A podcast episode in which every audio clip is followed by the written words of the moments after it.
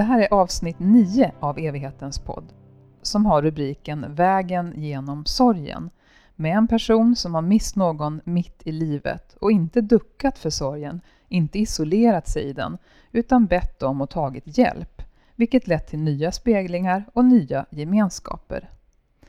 Jag som pratar heter Johanna Felenius och jag har satt mig till rätta här på Evighetens existentiella café som ligger på en vältrafikerad gata i centrala Uppsala och som också är en del av Evigheten begravningsbyrå. Mitt emot mig på andra sidan ett stort runt bord har jag dagens gäst. Välkommen hit Evelin Enström. Tack Johanna. Evelin, vad är meningen med livet? Att inte ge upp hoppet, att överleva svårigheter, försöka ge andra trygghet och motivering att eh, gå igenom sina strider och motgångar. Det här du säger att inte ge upp hoppet. Har du velat det ibland? Ja, det har jag. Och eh, så tänker jag på det här med det här med att ge andra trygghet och så. Det låter ju väldigt som att det är i relation till någon annan. Mm. Det är ingenting man kan göra helt ensam. Nej, men kontakten med någon annan som har det svårt eh, hjälper också mig. Hur då? Genom att ge mig en trygghet. Det är återigen det här med att man speglar varandra och att man behövs. Om jag har en erfarenhet som inte någon annan har så kan jag dela med mig av min och därigenom också stärka mig själv. Men menar du att man kan göra det av egoistiska skäl men det kan ändå leda till någonting Ja. som, är, som ger alla någonting? Ja. Du förlorade din man Urban för knappt ett år sedan och då hade ni varit ett par i över 20 år. Hur såg ert gemensamma liv ut när han var frisk? Alltså, vad, vad gjorde ni ihop till exempel? Vi var väldigt aktiva, eh, framförallt han. Så att vi gjorde allt tillsammans. Vi åkte båt i Stockholms skärgård. Vi eh, skaffade en liten sommarstuga, helt omodern och i stort behov av renovering. Eh, vi jobbade hårt, framförallt han, med det. Och eh, vi skaffade bara några- månader innan han fick sin cancerdiagnos. Så han var fantastisk med att ha det som eh, sin motivering, tror jag. Att försöka glömma sin sjukdom. Vi reste jättemycket. Vi reste säkert fyra gånger om året. Så det, var, det stod aldrig still. Det var alltid någonting på gång och nya planer. Och Vad tyckte du om det då? jättemycket. Men jag behövde vila ibland också, för jag blev lite trött. Han var väldigt intensiv i sina, i sina aktiviteter. Men eh, han har fått mig att uppleva saker som jag aldrig hade. Jag tog till exempel eh, kustskepparbevis när vi hade båt. Både förarintyg och sen kustskepparen. Det hade jag ju aldrig gjort utan honom, för jag hade ju aldrig tänkt på båtliv i skärgården. Så det gav ju också mycket upplevelser, både, både svåra och spännande och underbara. Men var det så att han liksom sparkade igång dig lite? Ja, eller? absolut. Mm. Definitivt. Vad stod han för i ditt liv? Trygghet, trofasthet, aktivitet, mod, kärlek förstås. Det är väldigt stora ord. Mm. Du har beskrivit det som att ni levde väldigt tvåsamt. Hur menar du då? Vi hade ju inte, hans pappa levde tills för tre år sedan och då var han en familjemedlem. Men för övrigt har vi ingen familj. Så det blev ju bara vi två på slutet. Så mm, det var ju bara vi. Vi gjorde allt tillsammans. Så då blev det kanske desto större tomrum när han Ja. rycktes bort? Mm. Jag skulle tro det. Jag känner det som det. Jag har ju inget att jämföra med, men så känns det för mig. Han fick eh, cancer. Vad vill du säga om den sista tiden ni hade? Han var otroligt tapper som jag sa tidigare. Han jobbade ju ända in i det sista med sitt vanliga jobb. Plus med alla andra aktiviteter som han engagerade sig i. Och det här sommarhuset. Eftersom han plötsligt blev den som var svagast av oss, vilket var helt omvänt på något sätt för mig, så fick vi en helt ny relation. Som är svår att beskriva, men den gjorde ju också att jag fick en annan betydelse än vad jag hade gjort tidigare i min relation till honom. För här plötsligt behövde han ju mig mycket mer än vad han någonsin hade gjort på ett helt nytt sätt. Och hur var det för honom och för dig? Att det blev ombytta Det var roller? ju väldigt konstigt, väldigt märkligt. För mig var det så svårt att se honom bli mer och mer kraftlös. Men han var ju stark vill jag säga, alltså att han var inte sjuk. Alltså han var ju sjuk, men han visade inte för de sista veckorna när han blev mer och mer hjälplös. Visade vad då? Att han behövde hjälp. Och fick ju påsar på magen av olika slag och problem med dräneringen i kroppen och svårt att gå och började bli lite frånvarande och avgifterna, gallgifterna. Men hur var det för dig att se en person som har varit så äventyrlig, initiativrik, ja, kraftfull till så svag? Fruktansvärt svårt. Mm. Och vad han gick igenom själv vet jag inte riktigt, men jag förstår att han led av att ha tappat kontrollen eftersom han också var en kontrollmänniska. Och han kände att nu hade han ingen kontroll alls längre. Sjukdomen tog över hela, eh, hela honom på slutet. Det passade honom inte alls? Inte ett dugg. Nej. Och när i förhållande till dödsfallet skulle du säga att du förstod att han inte skulle klara sig? När de sa att de inte kunde behandla honom mer. Och när var det ungefär? Förra sommaren. Men sen levde han ett halvår nästan? Ja. Men då var han fortfarande stark ändå, tycker jag. Men då tror jag han själv också förstod att det kommer inte att gå. Han skulle göra ett uppehåll i sin eh, cancerbehandling. Och då började tumörerna, vad jag förstår efteråt, att växa till eh, väldigt fort. Så att han fick något som hette tumörfeber. Så han hade hög feber på nätterna, vilket var väldigt svårt på alla sätt. Och sen så efter ett tag så förstod vi ju båda då att i och med den här febern så kunde de inte ge honom behandlingar. Så att i oktober då började alla stora komplikationer med, det blev en massa saker. Han fick blodförgiftning. Eh, men han fightades eh, ändå. Hur gammal var han? Han, eh, han precis bli 60. Mm. Vi skulle ha åkt till Sydafrika, men det gick ju inte eftersom han var så pass sjuk. Och till och med läkaren avrådde. Då ville han ha två 60-årsmottagningar. Så vi hade två stora 60-årsmottagningar. Den ena den 28 tror jag, november och den andra den 5 december. Och han fyllde 60 den 2 december. Så han klädde upp sig i slips och kostym och tog sig själv till den, den första mottagningen med vänner kommunalt. Vilket jag hade sagt till honom, för jag åkte före och, och förberedde förstås då. Eh, att nu åker du taxi. Men han var envis som synden och kommer dit som ett busigt barn och säger Ja, hur åkte du? Gick det bra med taxin? Han bara log och sa jag åkte kommunalt. Apropå kontrollbehov. Ja. Men, vad tror du att det betydde för honom att få ha de här mottagningarna? Ja, men hur mycket som helst. Han fick så mycket kärlek och det var så mycket vackra tal för honom. Och alla de som inte hade sett honom på länge såg ju väldigt tydligt eh, hur sjuk han var. Så jag är så glad att han fick höra de här orden eh, innan det var för sent. Istället för att det skulle sagts kanske på begravningen eller så, så fick han så mycket eh, lovord. Hans chef höll ett jättefint tal, hans vänner talade. Och, så det var fantastiskt. Jag är så glad att han orkade genomföra det här. Det där har jag tänkt på. Det, det blev ju nästan som en förbegravning. Ja, att varför har vi inte det mer? Jo, exakt. Det är när personen är död redan som mm. man får höra allting mm. vackert. Så att det var så fint. Mm. Det var så värdefullt både för honom och mig. Och för vännerna säkert också naturligtvis, för då hann de ju få ge honom det här. Han ni säga och göra annars det som du tycker att ni behövde säga och göra i förhållande till varandra innan han dog? Det där har jag funderat väldigt mycket på och eh, i början så tyckte jag nog det. När han började ge upp själv eh, på sjukhuset så hade jag med mig en liten bok till honom av en slump så hade jag med mig en liten bok som jag lämnade över till honom och sa skriv om du behöver skriva någonting så gör det i den här boken. Och då började han att skriva upp. På vissa sidor var det bara jobbgrejer och på vissa sidor var det bara kom ihåg till mig, lösenord och saker som han ville att jag skulle veta. Vi trodde att han inte skulle klara den helgen faktiskt. Så illa var det då. Men det gjorde han. Du har en anteckningsbok, är det hans? Ja. Det är ett anteckningsblock som har rosa flamingos på utsidan och vita moln mm. mot blå botten.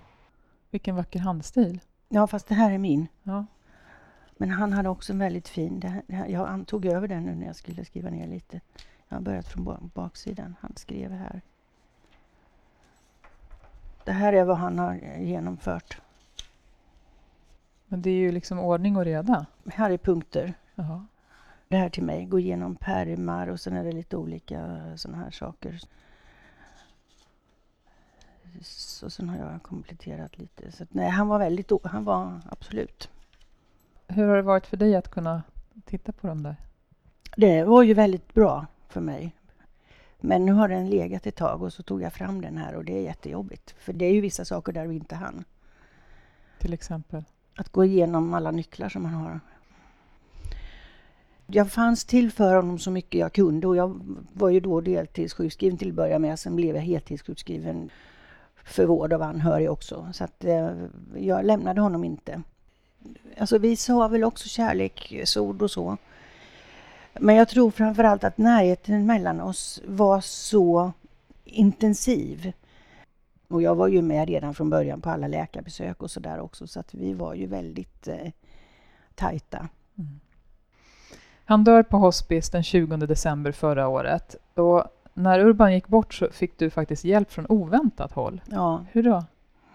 Jag ska inte gå in på hur han mådde sista. Han blev medvetslös. Det sista dygnet var fasansfullt för mig. Så att jag eh, ringde en väninna som eh, är gift med en väldigt god vän till Urban och de bodde i närheten av Jakobsbergs hospice. Och jag var alldeles desperat då och kände att jag orkar inte vara där ensam längre. Vi kom in på tisdagen och det här var på torsdag kvällen. Och jag hade ju varit där och följt hans faser och spelat vågor och lite musik och pratat mycket med honom. Men då i sista skedet så, jag orkade inte utan de fick ge mig ett lugnande. Och så ringde jag till den här kvinnan som hade erbjudit sin hjälp på en av hans 60-årsfester så tog hon mina händer. Behöver du min hjälp så ring. Jag kan vara den syster du saknar, för jag hade just sagt att jag saknar ett syskon i det här. Så jag ringde henne. Hon kom direkt. Hon blev skjutsad av sin man och var hos mig sista natten tills Urban tog sitt sista andetag. Sen var hon med mig där och sen skjutsade de mig hem. Det var fantastiskt, för jag vet inte hur jag hade klarat den där sista natten annars. Men nu hade jag henne. Och hon var bara där, hon sa ingenting egentligen? När vi småpratade ju lite, hon sa till mig emellanåt att gå nu och vila. Jag hade ju inte sovit då på några dygn. Gå och vila, så sitter jag hos honom och håller honom i handen ett tag. Så att du bara... Jag hade ju suttit och tittat på honom oavbrutet sen på tisdagskvällen i princip. Jag kunde ju inte sova, men hon var där. Vi var där tillsammans. Och det var väldigt skönt för mig. Vad modigt av dig att ringa henne. Ja, det kanske det var. Fast jag vet inte om jag såg det så då. Jag hade ju bestämt mig att jag skulle klara mig ensam. Men eh, jag är jätteglad att hon kom. Jag är henne evigt tacksam för det. Men du menar också att du tvingades ut ur bubblan och ta itu med saker och faktiskt vågade be om hjälp. Hur mm. då? Alltså jag blev ju så otroligt ensam efter det här. Och vi hade en stor fantastisk begravning för honom den 31 eh, januari. Och i början på januari så hade en, en god vän till honom, en gammal god vän som jag inte känner alls. Hon mässade mig och berättade om föreningen Vimil, Vi som mist någon mitt i livet. Och jag kontaktade dem ganska omgående och blev medlem. Så där fick jag genast jättefin kontakt med den gruppen som var i samma fas som jag. Men hade det lite längre bakom sig de flesta. Så sen hade de ett riksmöte i Norrköping i mars eh, var det väl. Så jag anmälde mig till det och var med på tre fantastiska dagar tillsammans med människor i min situation som kunde krama om och prata och vi grät och vi delades in i grupper beroende på i vilken fas av sorgen vi var. Det var en fantastisk tröst. Så det blev ju den första... Det var ju ett sätt att be om hjälp. Och det fick jag verkligen. Du har varit på en till Vimil-träff sen efter det här, ja. sen coronapandemins inträde. På vad sätt skilde sig de här träffarna åt? Fysisk närhet. Hur kan man sörja med andra utan fysisk närhet? Genom att tala och titta varandra i ögonen. Och få ta del av andras sorg. Så det går, men det är väldigt konstigt. Men jag vet att jag tänkte när vi hade undsättning, då var det fyra vänner var vi väl, som var med mig då. Och att då ensam stå och sänka honom ner i jorden medan de andra står på flera meters håll och inte få en arm över axlarna. Det var väldigt svårt. Det var väldigt konstig känsla. Vad betyder ögonkontakten? Blir den extra, extra viktig då? Ja. Hur då? Man blir ju sedd. Den här andra sorggruppen som jag också var med i under våren där vi hade nio träffar. En person som var med i den är en god vän till mig. Hon rekommenderade mig och eh, jag fick plats i den gruppen. Och det gav mig en sån fantastisk spegling i den ensamhet som jag upplevde då när jag fick göra så mycket själv. För att det var så många som gärna hade velat hjälpa mig, säkert, men som inte vågade på grund av smittorisk. Så att jag fick ju ta itu med så mycket ensam. Och då att komma de här eh, dagarna i veckan och få befinna mig i en grupp där vi alla hade olika sorters sorg. Det var så värdefullt för mig att det går inte att säga. Att känna att jag blev sedd i min förvandling vill jag nästan kalla det för. För jag höll ju på att bli någon annan. Vem höll du på att bli? Inte någon annan, men det var ju en utveckling som pågick i mig efter att jag hade förlorat min viktigaste halva, eller hur jag ska säga. Så jag genomgick ju en transformation på något sätt där jag skulle hitta tillbaka till att bli hel i mig själv. Vilket jag inte var så van vid. Och då var den gruppen fantastisk. Att både lyssna till mig och se mig. Den här sorggruppen som du pratar om, det är ett så kallat orkidéprogram i att bearbeta förluster. Och som jag var kursledare för mm. så är det väldigt jävig. Men eh, vad skulle du säga att sorgbearbetning handlar om? Det är jättesvårt att svara på, men jag tror att för min del handlar det om att växa. Det handlar om att överleva en svår kris och hitta en motivering att välja livet. Jag tror att det är det livet vill ge mig genom den här prövningen. Rubriken för det här samtalet är just Vägen genom sorgen. Mm. Hur, hur, ser du på det? Vägen genom sorgen. Min väg genom sorgen i det här läget som det ser ut nu i samhället också är ju en, en sorgevandring som innehåller så mycket. Dels är det ju förstås sorgen efter min älskling och sen är det ju sorgen över det som världen går igenom nu eh, med eh, coronan och den här rädslan som sprids över världen. Det är en sån kollektiv sorg som också drabbar på ett sätt som är fullständigt obeskrivlig. Så det är ju inte, nu ska man inte säga att en sorg är bara en sorg, för det är det verkligen inte, utan det är ju det, den största sorg jag har varit med om, men den belastas också av allt det här andra och alla, allas rädslor som får ta så mycket plats och som är så smittsam. Men som jag gör personligen allt för att slippa. Rädsla är en fiende. Varför det? Därför att jag tror att den bryter ner immunförsvaret och den tar bort motiveringen, den tar bort livslust och glädje. Det är en livsfarlig eh, känsla, tror Men jag. hur kan man ändå få uttrycka rädsla? För det är inget konstigt att vi är rädda i det här läget. Man får, måste försöka hålla lite kontroll på den. Man får inte låta den ta över, tror jag. Ja, men då vill jag nog komma in på en sak. Min mamma dog för 30 eh, år sedan. Och det var mycket som hände i mitt liv då som gjorde att jag blev så otroligt okontrollerat rädd för livet överhuvudtaget.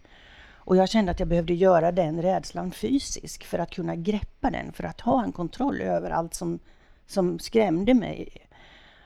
Så att jag bestämde mig för att ta ridkurser, gå ridlektioner, eh, för att kunna se den här stora varelsen, kraftpaketet, utan att få panik. Så att jag gick en termin på ridskola. Jag var 32 då och hade aldrig ridit i hela mitt liv. Jag var verkligen rädd. Men jag tog ridborgarmärket och jag fick någon form av kontroll på den här diffusa skräckkänslan som jag levde med. Vad var det som gjorde att du tror att du vågade utmana den här rädslan du hade för hästar? Det var ett sätt att få en bild på det. Jag kände att skräcken tog överhand. Rädslan för livet, rädslan för allting tog över mig. Jag kände jag kan inte ha det så här. Jag går i tusen bitar. Jag måste fånga in de här splittrade rädslokänslorna i någonting som står och tittar med ögonen. Kom så. du dit hän att du kunde bara njuta av att sitta uppe på en häst? Ja, ja. Och då kände jag ju den här kraftpaketet och jag kände att, att jag ändå kunde styra den, att den svängde och att den gick runt som den gjorde. Så jag fick det här lilla ridborgarmärket. Och det var liksom, ja, du gjorde det. Så att det var en seger. Det som är så obehagligt med coronaviruset är ju att det inte syns. Mm. Det är ju det med rädslan. Att den syns inte. Den känns. Mm. Och den sprider sig, eh, ja, precis som ett coronavirus som man kan ta tester på, mm. så sprids ju rädslan i kroppen. Men varför kan vi inte bara ducka sorgen eller isolera oss? Så? Varför ska vi gå igenom den? Det krävs att man går igenom den för att man ska bli, få den utveckling man behöver ha för resten av livet. Och vad tänker du händer annars? Kan hända annars? Eh, jag tror att det kan komma tillbaka som ett slag i nacken senare i livet om man inte går igenom den här prövningen. Och att jag tror så starkt på det här beror på att jag tror ju också på att det här vi måste gå igenom i våra liv, det har en mening. Det är inte slumpen som gör att man råkar ut för saker eller drabbas av saker. Utan eh, man behöver det för sin personliga utveckling. Hur orättvist det än kan te sig. Ja. Det här med sorgbearbetning, det är det bara för den som har mist en, Nej. en person? Nej. Vi genomgår alla jättemånga olika sorger och man kan aldrig jämföra sorger. Den ena är inte större än den andra eller svårare än någon annans utan det är din egen upplevelse av förlusten, vad det än vara må, som man går igenom.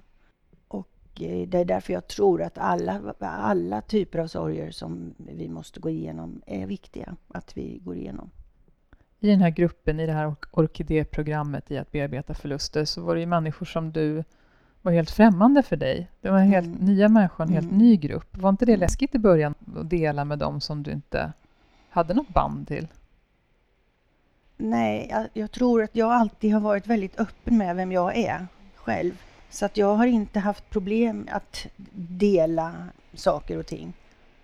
Inte allt, men det mesta eller mycket. Och i det här fallet så tror jag att just det var i min situation en fördel. För jag kom in där som en helt ny, okänd människa som ingen visste vem det var. Och det kändes ganska skönt för mig, för jag höll ju på att bli en ny människa. Så därför så var det så skönt att jag fick redan i ett tidigt skede börja läka den människan tillsammans med helt nya människor. För att se vem, vem jag var i den gruppen. Det var så rätt det kunde bli. Om vi går tillbaka till Vimil, Vi som mist någon mitt i livet, det här nätverket som du är en del av. Är det bara för den som är mitt i livet eller? Nej, det är ju alla åldrar där. Det enda som eh, kan skilja det är att det finns en undergrupp där det handlar om människor som har förlorat sina, eller som blir ensamma med sina barn. Och då anordnas det lite speciella aktiviteter som läger och, och sådär och så kan de träffa varandra, andra nyblivna ensamma med sina barn. Men det finns även yngre, vi är nog, det är ju 30-åringar med också. Mm. Själv är jag ju 60 plus och sen finns det ju de som är äldre också. Så det är väl mer att man kanske känner att eh, man blir lämnad. Att ingå i de här nya sammanhangen och de här nya grupperna, hur har det påverkat dig? Väldigt positivt. Jag tog ju också ett väldigt stort beslut här på försommaren med tanke just på också det här med coronan och att mitt arbetsliv såg helt annorlunda ut. Så att eh, efter moget övervägande så valde jag att gå i förtidspension. Jag har jobbat på samma företag i 38 år. Det har varit mitt fadershus. Det har varit den längsta relation jag någonsin har varit i. Och Urban då, som det längsta förhållandet jag har varit i, försvann. Och jag valde själv bort det tryggaste jag ändå hade. Därför att det kändes inte så tryggt längre. För att det hade helt nya förutsättningar för mig och jag skulle inte komma tillbaka till, till den sociala tillhörighet som jag normalt skulle haft om livet var som det har varit. Och därför tror jag också att de här nya grupperna har betytt så mycket. För att det har gett mig en ny livsväg som inte är så tydlig kanske än, men som jag tror finns där. Att jag sitter här idag till exempel med Johanna som jag har lärt känna på grund av den här situationen. Det bygger ju verkligen på den öppenheten. Att du har vågat Mm. ta steg Mm. i, på nya vägar. Ja, det gör det ju faktiskt. Att gå i sorgbearbetning och att bonda med andra som förlorat någon genom Vimil, finns det inte en risk att fastna i, i sin sorg och sina förluster i att du till exempel då i ditt fall främst identifierar dig som änka? Förstår du vad jag menar? Ja, jag förstår precis vad du menar. Jag tycker så otroligt illa om det här ordet änka. Jag, jag har alldeles nyligen sagt det till någon att jag är det, men jag, jag har jättesvårt för det ordet. Jag vill inte vara änka. Det är jätteviktigt att jag får vara jag, oavsett. Och jag vill heller inte fastna i att jag är änka. Men jag kan också tänka mig att en, i en grupp där vi är många som har sörjt och sörjer och sörjer olika länge, att det kan bli en identitet. Men jag vill inte fastna där. För mig är det jätteviktigt att jag har snarare det här som ett avstamp tillsammans med dem. Men att jag vill absolut gå vidare. Och vad är det som gör det så viktigt? Av respekt för livet och för mig själv. Och för dem omkring mig. När vi spelar in detta så är det senhöst och vi är ensamma på evigheten i Uppsala. Vi sitter på behörigt avstånd från varandra med varsin mikrofon då vi ska träffa färre personer än någonsin. Just nu så dippar du i din sorg. Hur, hur kommer det sig? Dels närmar sig svåra årsdagar. Urbans två 60-årsmottagningar. Hans sista åtaganden som han gjorde innan sjukdomen tog över. Hans födelsedag som skulle blivit 61. Och sen de sista dygnen förstås. Julen som kommer, hans dödsdatum den 20. Och sen förstärkta hårdare restriktioner vad det gäller coronan. När nu människor igen börjar dra sig tillbaka i sina trygga vrår. Det är många sista nu. Det är många sista. Det har gjort att jag nu har haft några riktigt svarta dagar faktiskt, när man ifrågasätter mycket. Jag vet ju att de går över. Men det är tungt. Det är tungt nu, det är det. Men vi pratade om rädsla förut. Kan det skrämma dig nu när du får de här riktigt svarta dagarna? Ja, både ja och nej. Jag vet att de går över nu. Jag har ju varit där förut. Men eh, jag hade ett antal väldigt viktiga ljusglimtar framför mig här nu. En eh, avstod jag från själv eftersom jag tyckte det var ganska många som skulle delta och jag, de hade just förstärkt de här restriktionerna. Så jag hoppade av den trots att jag var väldigt ledsen över att jag inte kunde delta. Det var ett yogaretreat. Och sen har allting bara liksom stängts av, ställts in, folk backar tillbaka. Så att nu står jag här och är väldigt glad för det här samtalet idag. Men för övrigt är allting annat inställt. Och då har jag ingenting som lyser upp min tillvaro, om jag ska säga så. Utan nu, är, nu verkar det som att då går man rakt in i en tunnel igen med, med bara mig själv. De här sakerna jag skulle ha gjort nu skulle ha gjort den här mörka tiden lättare för mig. Att få umgås, att få bekräftelsen, att få speglingar, att få tillhörigheten, sammanhanget, vara efterfrågad. Det är så otroligt mycket som det betyder. Och sen plötsligt så nöjer sig alla med varandra. Och jag behövs inte. Och då känns det ännu mer ensamt i ensamheten. Då blir det väldigt ensamt i ensamheten. Ändå är jag, har jag inte svårt att vara ensam, men ensamheten ska vara självvald, inte påtvingad. Det går verkligen upp och ner. Man brukar säga att sorg kommer i vågor. Och de är stora ibland och de är små ibland, Mm. tänker jag. Du gjorde nyligen ett inlägg i sociala medier där du gjorde en reflektion om det senaste året. Du skrev Mm. så här. Då hade jag tack och lov ingen aning om hur 2020 skulle bli. Inte hade väl jag heller kunnat drömma om allt positivt som faktiskt också har hänt. Mitt i min stora sorg och covid-19-viruset som förändrade världen.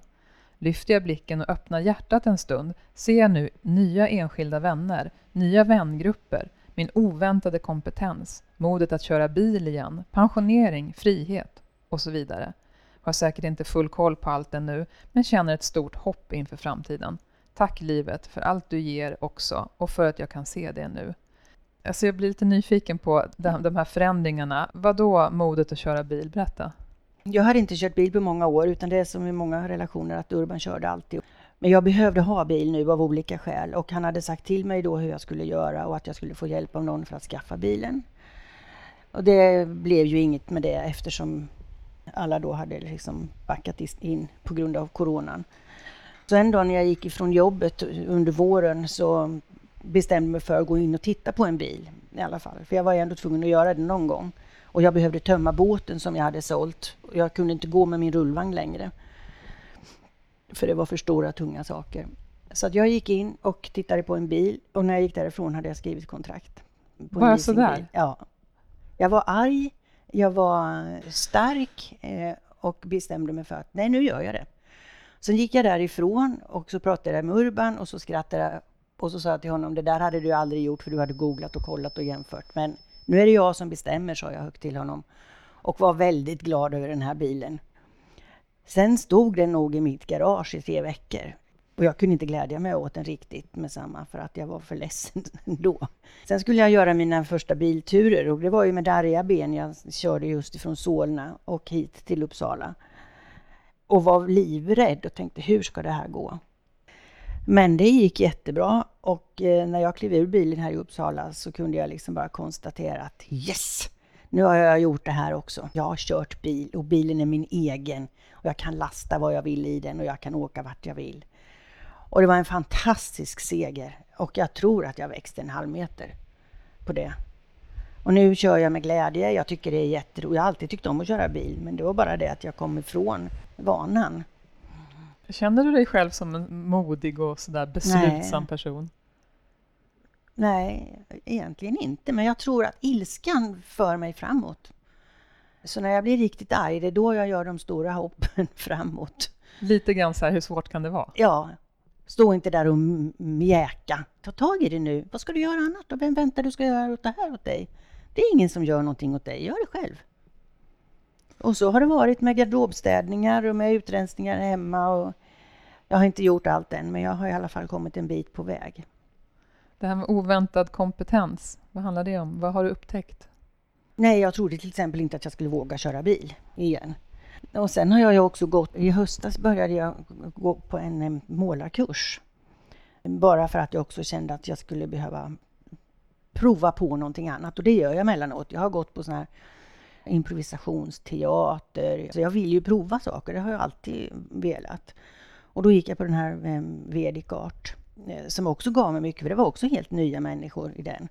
Och man kan måla av sig hur som helst där och det är inga krav och ingen tittar. Och man... Så nu målar jag lite. Jag kan inte kalla det en kompetens, men det är ju en, eh, en lustfylld aktivitet som jag kan njuta av när jag kommer dit. Vad som har förvånat mig i det här när det gäller mig själv är att jag har alltid yogat mycket och jag har börjat meditera tidigare. Men under den här fasen, när jag egentligen skulle behövt det som mest, så är det nästan, alltså det är omöjligt. Jag kommer inte dit. Men nu yogar jag en gång i veckan via, via Zoom ibland och via en ganska liten grupp. Och det är ju väldigt välkommet, så att jag får det i alla fall en gång i veckan. Men det har varit, jag vet inte varför, men jag har hört att det är ganska vanligt att man inte gör det man behöver bäst. Jag gör andra saker. För du tror att du behöver det? Jag vet att jag behöver det. Men det är som en kamp inom mig på något sätt. Jag vet inte, jag kan inte förklara det. Jag har bara hört att det är vanligt att det inträder. Men när jag yogar och när jag sätter mig i lugn och ro så mår jag jättebra av det. Så jag ska skärpa mig och bli lite bättre på det. Och det här med frihet, vad handlar det om? Oberoende. Just nu är det ju inte frihet, för nu är jag ju intvingad i en corona-avskildhet. Frihet för mig skulle nu vara att göra det jag drömde om när jag eh, gick i pension. Det är att gå roliga kurser. Att göra en resa. Så därför upplever jag ingen frihet nu. Så frihet är att göra det du vill, när du vill. Du sa i början att uh, Urban stod mycket för trygghet i mm. ditt liv. Mm. Så målar du upp en bild nu av att du har gått mot ökat oberoende. Och jag tänker att i en sån här situation, det skulle inte vara något konstigt att man inte orkar vända sig ut till världen i form av sorgbearbetning eller till det här nätverket mm. Vimil. Eller att man inte vågar ta itu med sitt bilkörande i ditt fall. Eller att man behåller sitt jobb bara för att det är tryggt och invant. Vad är det som gör att just du har klarat av att på så himla kort tid ta de här stegen, tror du? Jag tror att det bara handlar om att överleva. Att jag måste, jag måste känna att jag påverkar själv. Att jag inte vill vara ett offer. Jag vill påverka, jag vill göra det bästa av den svåra situation jag har. Och då är det mitt eget ansvar. Jag tror bara det handlar om det. Jag har ju också känt att jag måste göra det här för de som inte kan. I det här fallet då Urban, som inte fick, som älskade livet, som aldrig har lidit av depressioner eller sjukdomar. Han skulle inte ha velat att jag stagnerade eller gav upp eller um, han skulle vilja att jag levde. Vad tror du att han skulle säga om din förädling och utveckling? Jag tror att han skulle varit stolt. Jag diskuterar mycket med honom sådär liksom. Jag har foton på honom på olika ställen. Och jag retar honom ibland och säger att nu gör jag på mitt sätt och ser du nu att jag klarar av det här också? Vad tycker du om min nya bil? Så att, eh, nej men det känns jättebra. Jag tror ju att han är den där energin i rymden som jag brukar skriva om. I min värld så ger det mig en jättetrygghet att kunna tro på det. Att han har inte lämnat mig, han har bara bytt form. Så han är där uppe och håller lite koll och han har det jättebra där. Jag tror att han tycker det är orättvist att det här har drabbat oss alla. Han lyser där tillsammans med de andra uppe i, och ibland händer det att jag vill ju komma dit. Jag får ju inte göra det än. Men jag vandrar på min väg mot energin. Hur ser du på det, livet efter detta? Jo, Finns det något sånt? Ja, det är ju inte ett liv, det är en existens i annan form. Jag tror stenhårt på det. Det har jag gjort sedan min pappa dog när jag var 19 år. Då var han 52, så mina föräldrar dog tidigt. Alla som jag har förlorat älskade livet. Ingen var depressiv eller hade några sådana anlag, men fick lämna. Har jag fel så har jag fel och då är det så. Men så länge det hjälper mig att tro på det här så gör jag det tills motsatsen bevisas. Och eh, det ger mig en stor trygghet. Hur ser du på detta att läka i sorgen? Jag säger som någon annan har sagt tidigare att man, man får alltid sina ärr. Sorgen läker inte alla sår alls, det, det har jag ingen erfarenhet av att de gör. Men, men man får sina ärr och man måste bli hel på ett nytt sätt. Man måste känna att man är trygg i det man gör och i sin personlighet och i det sammanhang man finns. Och det är väl det man egentligen ska göra, alltid. Men det är lätt att man identifierar sig med saker runt omkring, med sitt jobb, med den man lever med, med familjen man är med eller sin syskonskara om man har någon. Eller jag tror som så många andra att det är viktigt att man hittar det här i sig själv. Man kan inte lägga över det på någon annan. Nu är du där att du börjar vilja ge vidare. Mm. Hur då?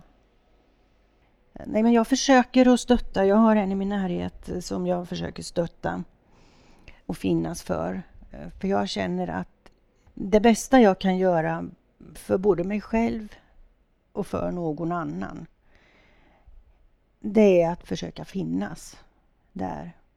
Och det är också så viktigt för att jag också ska eh, göra någon nytta. Det värsta jag är med den här situationen det är att man inte kan göra någon nytta. Och då är man ju meningslös på något sätt. Så jag vill så gärna hitta en mening med mitt liv, med mitt nya liv, i mitt nya liv. där jag kan finnas till på ett helt nytt sätt. Jag har inte hittat det än, men jag tror att det kommer. Jag är på väg, tror jag.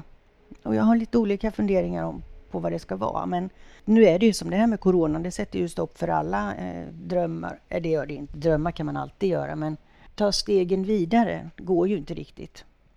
Men jag har gjort en sak till som jag är glad för, som betyder mycket för mig. Och jag sprang på en granne här på försommaren och hon har en hund så att jag är dagmatte en gång i veckan på måndagar. Och eh, det betyder enormt, för det är också en ny kontakt jag har fått med vovens matte som betyder mycket. Och sen den här voven som, eh, som kommer till mig och som svansar runt och som har blivit väldigt förtjust i mig som ger mig en stor bekräftelse. Och eh, både voven och, och hon vet att de betyder jättemycket. Den som lyssnar på det här och själv är i sorg men kanske inte vågat eller velat eller kunnat be om hjälp. Vad har det gett dig att, att klara av det? Det, det är ju den här speglingen. Be om hjälp. Var inte rädd att be om hjälp. Jag vet att eh, Många klagar över att de inte får de där telefonsamtalen de längtar efter för att ingen ringer och folk är rädda av olika skäl och de vet inte vad de ska prata om. Och de slår den där signalen själv till dina vänner.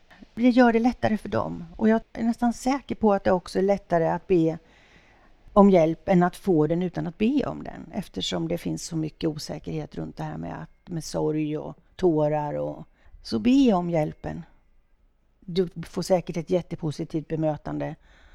Och de kommer att vara glada att det var du som tog kontakt eftersom de kanske själva inte har vågat. Och de tar hänsyn och de vill inte störa och det finns alla möjliga ursäkter. Ring! Ja, det är lätt att anhöriga runt en människa i sorg tror att de ska mm. göra så mycket och de ska mm. säga så mycket och så vet de inte vad de ska säga och så Nej. avstår man från att ta kontakt bara därför. Mm. Att man inte har något tröstrecept. Vad tänker du om det? Ja, men alltså det, vi är ju bara människor. Jag tycker man var som vanligt. Var inte rädd. Visa att du finns där. Gå och hälsa på. Ja, inte just nu kanske, men jag vet det här också med att det är så viktigt med att man ska skicka en blomma eller att man ska ta med sig någonting när man kommer. Strunta i det. Det spelar ingen roll. Ta med någonting att värma i mikron eller om det är så att du går hem till någon. Och så vet jag det är kutym, man ska ta med sig blommor för att visa sin omtanke och sådär. Men slå en signal. Skicka ett vackert kort. Visa att ni finns. Det är inte svårt. Evelin, hur vill du bli ihågkommen när du inte vandrar kvar här på jorden längre? Jag skulle vilja bli ihågkommen som en som har gått igenom mycket men som inte har tappat hoppet. En omtänksam, kärleksfull, varm person som eh, gärna sträcker ut en hand till någon som behöver. Och jag vill gärna bli ihågkommen som modig. Tycker du själv att du är modig? Ibland. När då? När jag satte mig i bilen första gången, till exempel. Att jag har sett döden på nära håll flera gånger. Jag har inte vikt från de som har behövt. Det tycker jag är mod.